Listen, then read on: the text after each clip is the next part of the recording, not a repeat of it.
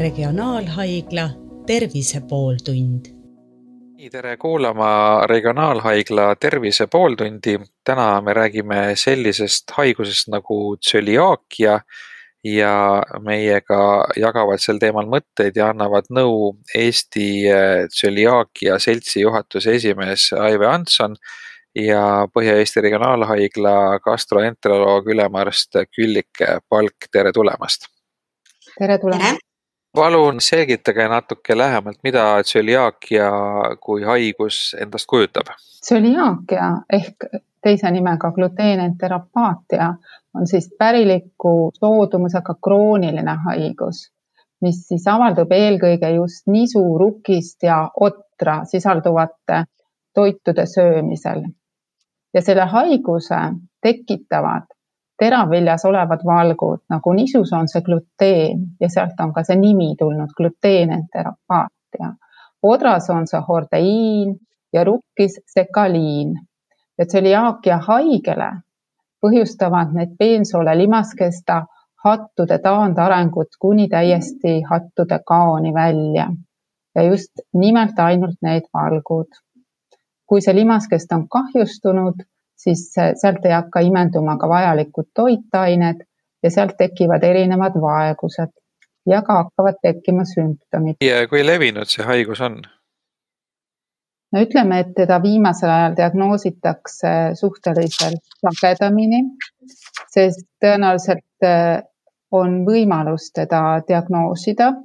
Äh, gastroskoopia koos peensoole-biopsiaga on kättesaadav, on olemas spetsiaalne sõelgriiningu test, transglutaminaas, mida me teeme sõeluuringuna, veretest väga lihtsasti teostatav. mingit patsiendile valu ega ebamugavust ei tekita ja annab meile väga täpselt vastuse. kuid kindlasti on neid, kes veretestid osutuvad negatiivseks, aga kaebuste korral nendele tehakse ikkagi gastroskoopia, võetakse peensoolest tükikene, võimalus on teha ka geenitest. aga nagu me teame, et geen võib olla, aga haigus ei pruugi mitte sada protsenti alati kõigil avalduda. aga kas see on nüüd selline haigus, mida on äh, hakatud viimasel ajal äh, rohkem diagnoosima ja millele rohkem tähelepanu pöörama, et kui kui kasvõi vaadata nüüd toiduaineid, äh, siis, siis gluteenivabad toiduained on ju tegelikult Äh, kaupluse lettidele tulnud suhteliselt hiljuti ja, ja sellest on nagu hakatud rääkima ka suhteliselt hiljuti, et kuidas siis äh, varem sellega hakkama saadi? no ma ütleks, et see haigus ju tegelikult ei ole mingi hiljutine haigus. et esimesed äh, teadmised sellest haigusest pärinevad juba esimesest sajandist Vana-Kreekast, aga haigus hakkas ja sai oma nime alles Teise maailmasõja ajal siis kui oli nälg ja Hollandis olev lastearst märkas, et kui lapsed ei saa saiatooteid, siis äh, nagu tsüliaakia haigete või tsüliaakia haigete laste äh, hulk nagu hakkas rangema ja kui elatustase paranes, siis neid jälle tekkis juurde ja sealt tal tekkiski mõte hakata seda uurima, just nimelt seda äh, põhjust ja seost teraviljaga. Aga ma arvaks ka, et me pöörame sellele praegu rohkem tähelepanu ja me teeme rohkem sõelteste. et äh, varem arvati, et äh, me diagnoosime kõik need haiged ära juba lapseeas, aga nüüd on selge, et väga paljud saavad oma diagnoosi ka täiskasvanu eas, sest sümptomid on väga mitmekesised, haigus võib avalduda väga erinevalt. Ja ka arsti juurde pöördumine on teinekord inimestel erinev, mõni tuleb esimeste kaebuste korral, teinekord jääb D-diagnoosini on ikka suhteliselt pikk. aga kas võib ka niimoodi olla, et see avaldub nii kergesti, et inimene tegelikult äh, väga ei märkagi seda ja võib teravilja süüa ja, ja ei, tema elukvaliteet nagu märkimisväärselt sellest ei halvenegi? Äh, mingi aeg kindlasti, sest et äh, eks ole, need hatud ju kaovad ära aja jooksul ja just nimelt selle sama gluteeni kahjuliku toimega. et et mingi aeg ta võib elada ka päris hästi ja teinekord, kui ta on väga heal dieedil olnud, siis mõni patsient kindlasti ütleb, et ta võib süüa selle tükikese tordilõiku ja tal midagi ei juhtu. aga teine ütleb, et mitte ühtegi teragluteeni sisalduvat toitu tema tarbida ei saa, kohe on enesetunne väga halb nii et see on väga erinev aga kui nüüd on äh, need hatud äh, sooltest äh, kadunud või see gluteen on siis oma, oma kahjulik, kahjulikku mõju juba avaldanud, et kas sellest on võimalik ka kuidagi terveneda või, või taastada neid või on see selline pöördumatu protsess? ei, see ongi kõige parem, et see ei ole pöördumatu protsess. et kui inimene läheb korralikule dieedile, siis see kõik taastub, ainult küsimus on ajas. kellel taastub paari kuuga, kellel aastatega aga dieet peab olema ja dieet peab olema väga korralik.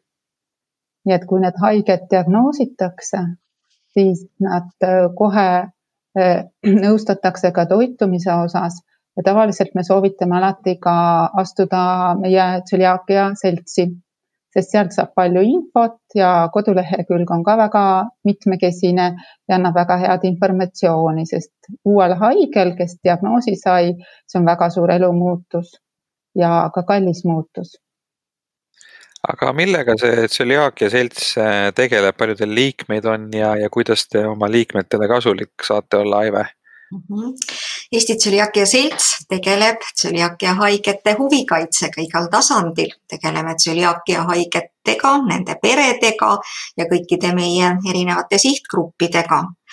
liikmeid on meil täna seltsis kakssada viis me osaleme seltsitöös oma peredega, sest ühe inimese haigus puudutab alati tervet peret. ja me käime koos päris mitmeid kordi aastas, kaks korda aastas on infopäevad, üldkoosolekud, suvel suvelaager, talvel jõulupidu, lisaks veel spordiüritused. meie liikmetele on erinevad koolitused, kokanduskoolitused on hästi populaarsed, loengud infopäevadel, kust saab siis hästi vajalikku infot toiduainete kohta, arstide loenguid kuulame.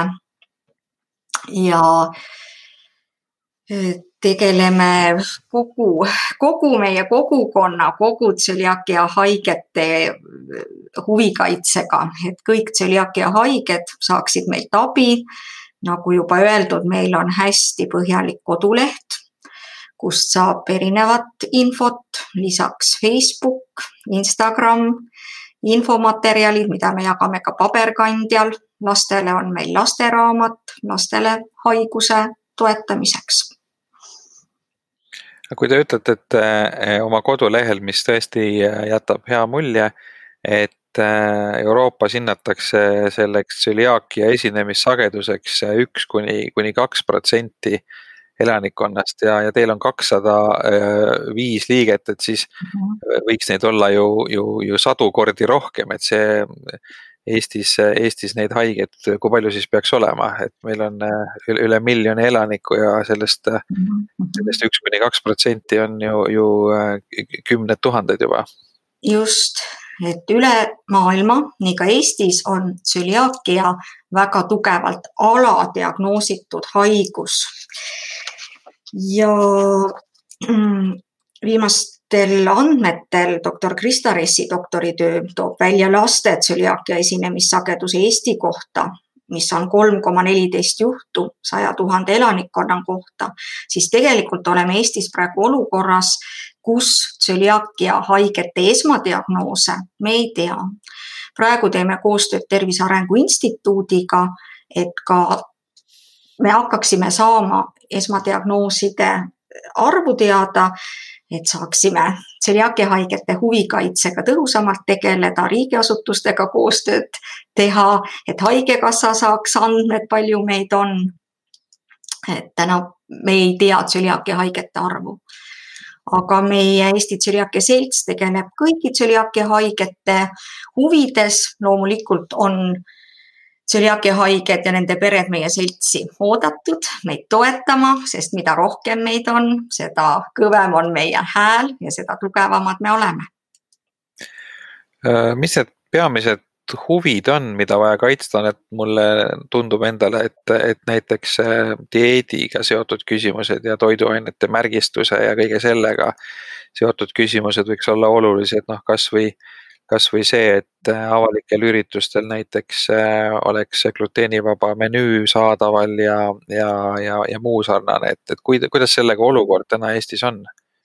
ja kuna meie haiguse eripära on see, et meie ainus ravim on range dieet, siis eelkõige on seotud meie huvikaitse toitumisega igal tasandil et meil oli juttu sellest, et haigus on aladiagnoositud, siis me teeme tihedat koostööd arstidega, tuletame endid meelde, et äh, arstid näeksid, tunneksid ära tsüliakia sümptomeid.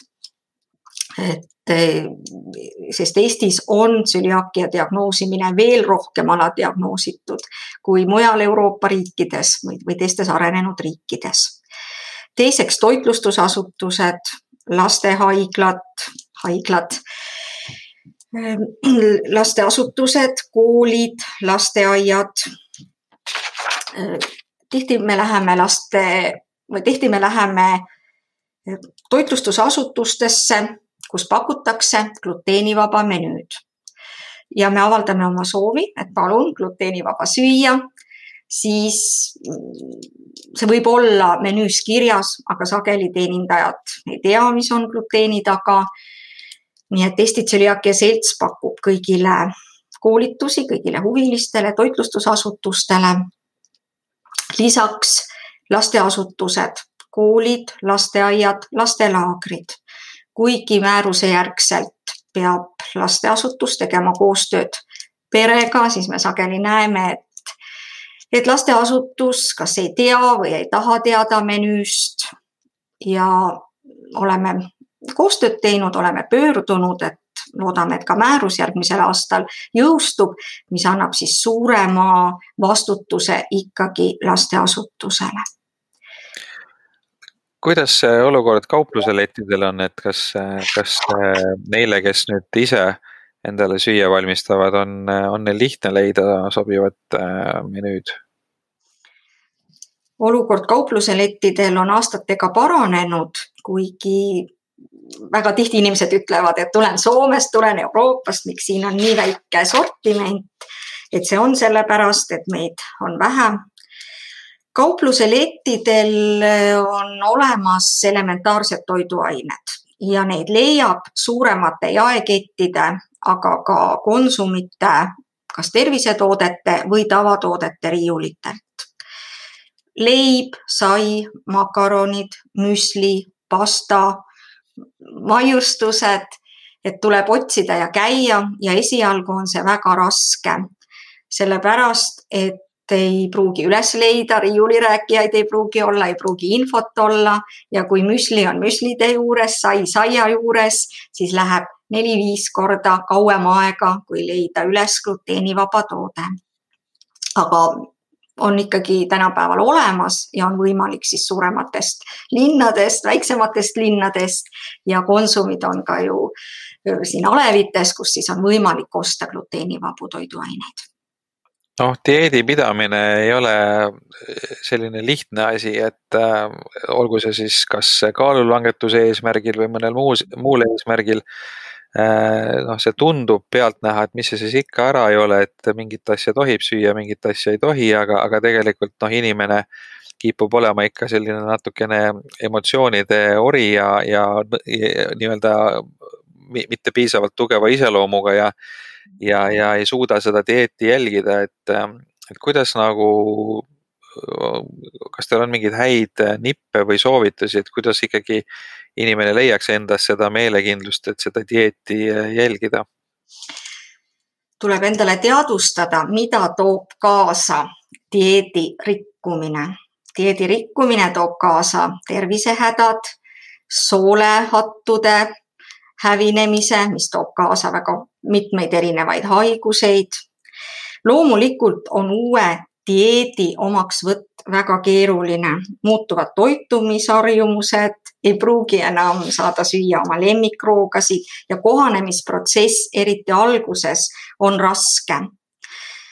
Kõige raskem on alguses pakenditelt info lugemine, rääkimata sellest, et pakendil kiri on väikene, tuleb väga hoolega lugeda et toiduaine ei sisaldaks nisu, rukist ja otra.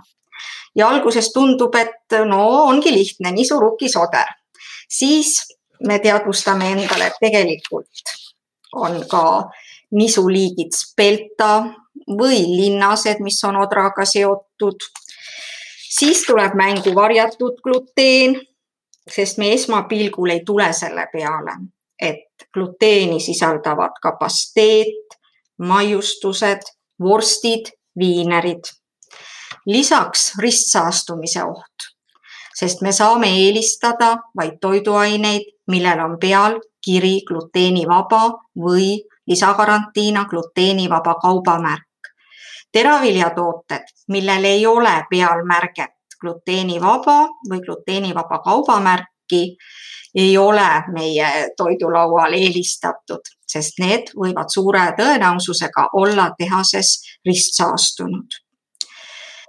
Aga kui, kui, kui suured need kogused peavad olema, et see tervisehäda põhjustaks, et ma saan aru, et üks äärmus on see, et et süüa nisujahust küpsetatud mingisugust saiatoodet, et kus on seda siis väga palju, et nüüd te räägite juba ristsaastumisest, kus on tõenäoliselt mingid üliväikesed kogused või üliväike oht, et kui, kui, kui äh, suured need gluteeni kogused äh, või kui väikesed pigem võiks küsida niipidi pea, võivad olla, et, et need üldse häda põhjustaksid? Mõistet gluteenivaba me saame kasutada Euroopa Liidu seaduse järgi siis, kui toode ei sisalda mitte üle kahekümne milligrammi gluteeni. tõepoolest, me räägime väga rangest dieedist ja see kuni kakskümmend milligrammi gluteeni tähendab siis õhus olevat tolmu. nii et tegelikult dieet on ikkagi väga-väga range ja väga väikesed kogused mõjuvad meie peensoolele hukatuslikult doktor Palk, kas tõesti asi on, ma saan aru, et üks asi on need standardid, mis ongi ja peavadki olema ranged, teine asi on nüüd see, et kas see tegelikult ka äh, nüüd äh, on, on reaalne oht tervisele, kui me räägime õhus lendlevatest osakestest, et, et äh, tavaliselt ju igasuguste muude, olgu see siis viirus või, või mõni muu inimesele ohtlik asi, et, et see kontsentratsioon või kogus ikkagi määrab ka ära, et kui seda on ülivähe, siis see ei pruugi teha midagi halba, kuigi nii-öelda juriidikaga järgi ajades äh, ei saa öelda, et sada protsenti seda poleks. no ma arvan, et sada protsenti on väga raske saavutada, et äh, kindlasti ka gluteeniterapaatiat põevad inimesed, põdevad inimesed puutuvad selle gluteeniga kokku tavaelus, sest et päris isoleeritult elada nii, et sa üldse sellega kokku ei puutu. juba ainuüksi poes käies, saialetist mööda minnes ja selliseid asju ja kohti, kui me räägime juba tolmust, on tegelikult igal pool. et äh, ütleme, mõistlikkuse piirides tuleb kõike teha ja kui ta on korralikult dieeti pidanud ja ta ei ole nagu ravile või dieedile, ütleme, allumatu haige ja ta jälgib seda, et ta gluteeni ei söö, ta käib regulaarselt arsti vastuvõtul, me kontrollime, analüüsid on korras, kõik mikroelemendid on omistatud. ta ei ole dieediga ka nagu väga libastunud, et ta on väga ühekülgse toidu peale jäänud, nagu me mõnikord näeme.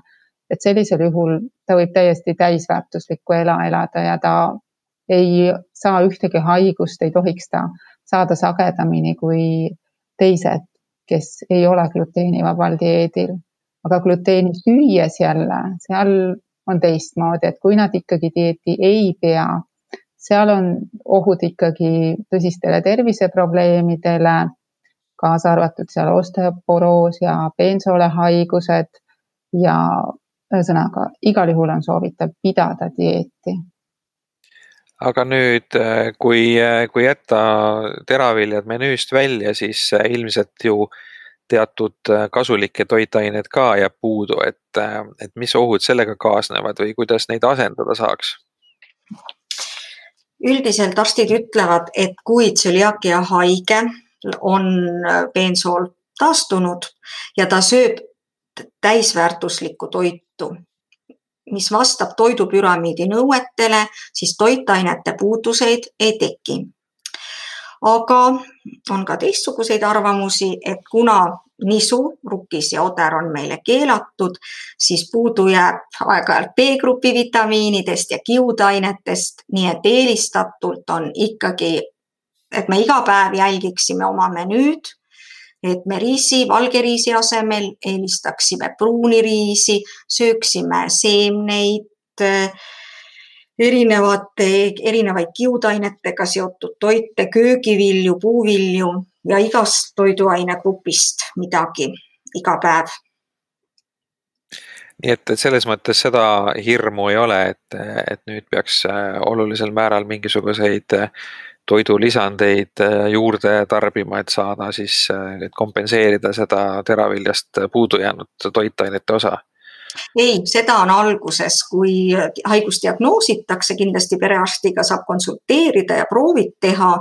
aga hiljem, kui sool on taastunud, siis elades täisväärtuslikku elu ja toitudes tasakaalustatult, peaks saama kõik toitained oma söögist kätte no me vist juba, juba korduvalt rääkisime ka sellest, et, et, et see haigus on aladiagnoositud ja inimesed ei tunne seda ära ja, ja võib-olla sageli ka perearstid ei tunne seda ära, et et mis nõu te annaksite nüüd, et milliste sümptomite või, või milliste, millises olukorras inimene peaks kahtlustama endal seda haigust ja, ja mida ta siis te tegema peaks, kuhu pöörduma, et ta saaks selle ära testida tsüliaakia on terves maailmas tõesti üks sagedamini õigeaegselt diagnoosimata krooniline haigus igas vanuses isikutel ja on välja toodud, et Euroopas on üks diagnoositud tsüliaakia juht kolme kuni seitsme õigeaegselt diagnoosimata haigusjuhu kohta. ja me näeme ka enda seltsis inimesi, kellel on aastaid, aastakümneid tsüliaakia olnud diagnoosimata miks see nii on? üheks põhjuseks on see, et tsüliaakiat võrreldakse kameeleoniga, sellise loomaga, kellel on mitu nägu, ka tsüliaakial on mitu nägu. see tähendab, sümptomid võivad olla väga-väga erinevad. vahel räägitakse, et tsüliaakia sümptomiteks on kõhnumine, kõhulahtisus, ja seedeprobleemid, et need võivad olla, aga probleemid võivad olla väga-väga erinevad ja tihti inimesed käivad aastaid, aastakümneid teiste eriarstide juures. sagedasemad sümptomid on rauavaegus, aneemia, liigeseprobleemid, allergiad, lisaks veel psühhiaatrilised probleemid ja arstid ei tule selle peale, et see võib olla seotud kroonilise autoimmuunhaigusega. et üleskutse ongi kõikidele arstidele jälgida sümptomeid, et need võivad olla seotud kahjustunud peensoolega aga kui keeruline või kallis see tsüliaakia test on, et, et noh, tegelikult sageli ju äh, perearstid ähm, kardavad ka või, või, või ei taha üle diagnoosida ja päris mitmete äh, selliste testide puhul nad tegelikult, äh, olgu see siis rahalised põhjused või mingi muu, ei, ei saada inimesi testi, et äh, kas siis mitte üle koormata seda testimise süsteemi või, või lihtsalt pole selleks eelarvet, et kuidas tsüliaakia testidega lugu on, et kui kallid need on ja, ja kui keerulised? ma hinda praegu küll peast ei oska öelda aga ta minu arust väga kallis ei ole. Äh, kui ma nüüd räägin enda erialast ehk gastroenteroloogiast, siis ma arvan, et gastroenteroloogid tsüliaakiale enamasti alati mõtlevad ja see test tehakse ka suhteliselt lihtsalt ära. et kui on aneemia, seedetrakti probleemid ja teised sümptomid, mis võiksid viidata tsüliaakiale, siis äh, lihtsam on see test ära teha äh, kui äh, pärast hakata mõtlema, et oleks võinud ju varem ära diagnoosida. nii et, et. aga, aga, aga kui nüüd mõni haige näiteks kuuleb või mõni inimene kuulab meid või on lugenud äh, selle kohta ja mõtleb, et oi, et äh, ma tundsin siin ühe või teise sümptomi ära ja mul võiks küll see olla see haigus ja läheb perearsti juurde ja ütleb, et, et ma kahtlustan endal tsüliaakiat, et palun tehke test, siis kui, kui suure tõenäosusega seda testi teile ka tehakse? see oleneb täpselt perearstist. kui äh, perearsti ja patsiendi kahtlused langevad ühte, siis perearst kindlasti teeb selle testi, aga kui perearst ikkagi ei, tundub, et talle ei, ta ei arva, et seal võiks olla tsüliaakiat ja patsiendil hing ei anna rahu, siis on olemas ju alati ka selline võimalus, et ta teeb selle testi iseenda rahustuseks tasuliselt. nii et, et selline variant tänapäeva meditsiinis on olemas aga perearstid on ka, ma arvan, aina paremini informeeritud ja aina rohkem teevad neid teste lisan siia juurde, et kindlasti ei tohi enne testimist pidada gluteenivaba dieeti. Sageli toitumisnõustajad ütlevad või soovitavad, et kui teil on seedeprobleemid, vaadake, katsetage välistamise metoodikat. kui teil läheb paari kuu pärast tervis paremaks, seedehäired kaovad, gluteenivaba dieediga, siis ongi kõik hästi. aga kui inimene tõesti on tsüliaakia haige ja lõpuks jõuab biopsiani, siis on tema peensoolehatud taastunud, sest ta on pidanud mm. gluteenivaba dieeti, et see on väga-väga oluline. et enne tsüliaakia diagnoosimist ei tohi pidada gluteenivaba dieeti. õige diagnoos tuleb ainult välja siis, kui inimene on söönud gluteenivabu, gluteeni sisaldavaid toiduaineid. Kui ruttu see, kui ruttu see dieet mõju avaldab, et, et kui nüüd kellelgi on probleemid ja ta siis välistab gluteeni, kui, kui ruttu seda efekti märgata on? mõnel kiiremini ja mõnel aeglasemalt, mingi kuu-paariga, mõnel, mõni peab ikkagi aasta aega siin dieeti pidama, et tal läheks paremaks. see on väga individuaalne, aga antud juhul ma täiesti äh, nõustun meie kaasrääkijaga, et dieeti enne testimist ja enne arsti juurde tulekut ei ole mõtet pidada, me ei saa diagnoosi panna, kui meil teatud kriteeriumid ei ole täidetud ja need kriteeriumid on tegelikult meie jaoks suht mustvalgel kirjas no siis, siis ka väga kiireid äh, tulemusi selle nii-öelda ise katsetamisega ei saa, kui see, kui see kuid või isegi rohkem aega võtab, et. et tegelikult see nii lihtne ei olegi seda välistamise meetodil ise, ise ravida. aga, aga kordaks võib-olla lõpetuseks veel üle äh, need sümptomid või need äh, tunded või seisundid, mis, äh, mis inimestel on, mis, mis juhul nad peaksid pöörduma kas siis perearsti või, või perearsti kaudu juba gastroenteroloogide poole, et, et, et ennast testida lasta, et mis, mis need kõige levinumad märgid on? Tüüpilised tsüliaakia puhul kimbutavad inimest soolestikuprobleemid, kõhuvalu ja gaasid, krooniline või periooditi esinev kõhulahtisus, kõhnumine, sageli aga otsivad inimesed arstilt abi muude probleemide pärast, näiteks jäävhammaste vabakahjustus, käitumishäired, depressioon, ravile halvasti alluv või allumatu rauavaegus, aneemia, osteoporoos, neuroloogilised häired, puberteedi hilinemine, kasvupeetus lastel, günekoloogilised probleemid, haavandid suu limaskestal ja viimase Eesti tsüliaakia seltsis läbi viidud uuringu põhjal oli kõige sagedasemaks sümptomiks väsimus, oli inimesi, kellel ei olnudki muid sümptomeid kui aastatepikkune väsimus. ja muidugi ärevus, meeleolu kõikumine, mis tuli ka meie uuringust välja, mida tihtipeale ei osata soolehaigusega seostada ma pean, ma kuulasin seda nimekirja ja, ja ma mõtlesin, et ma peaks ka testima tulema, et tõenäoliselt on väga palju inimesi, kes äh, vähemalt ühe, ühel nii-öelda kasti, ühte kasti linnukesi saaks teha, et noh, kasvõi väsimus, et kes, kes meist ei oleks aeg-ajalt väsinud või, äh, või sellised rasked ajad, nagu praegu on, mõjutavad ka meeleolu, et, et doktor Palk, mis teie omalt poolt lisaksite, et mis need sellised kõige tõsisemad sümptomid on, mille korral te kindlasti soovitaksite testi teha? No eelkõige ikkagi seedetrakti probleemid, siis on asi juba tõsine, kui patsient meie juurde jõuab, see soolelimaskest on diagnoosimise hetkeks kindlasti kahjustunud. ja teiseks aneemia on see, millega sageli jõutakse ja kus me sageli ka testime ja paljud teised juhtumid, mis meieni jõuavad, me teemegi lihtsalt screening testina, kui on näiteks maksatalituse häired, mis võib ka esitada, esineda tsüliaakia haigetel, et samamoodi me teeme, screen ime siis ka gluteenenteropaati osas teinekord. laste osas ma arvan, et äh, siin lastearstid on suhteliselt tähelepanelikud ja kõikide puberteetide hilinemiste osas nad tõenäoliselt juba skriinivad neid haigeid ette, enne kui nad kunagi meieni jõuavad aga suur tänu, et äh, jagasite kuulajatega olulist informatsiooni selle haiguse kohta, mis on äh, nii laialt esinenud, aga ometi aladiagnoositud. Äh, saadet juhtis Hando Sinisalu, aitäh kuulamast. regionaalhaigla Tervise pooltund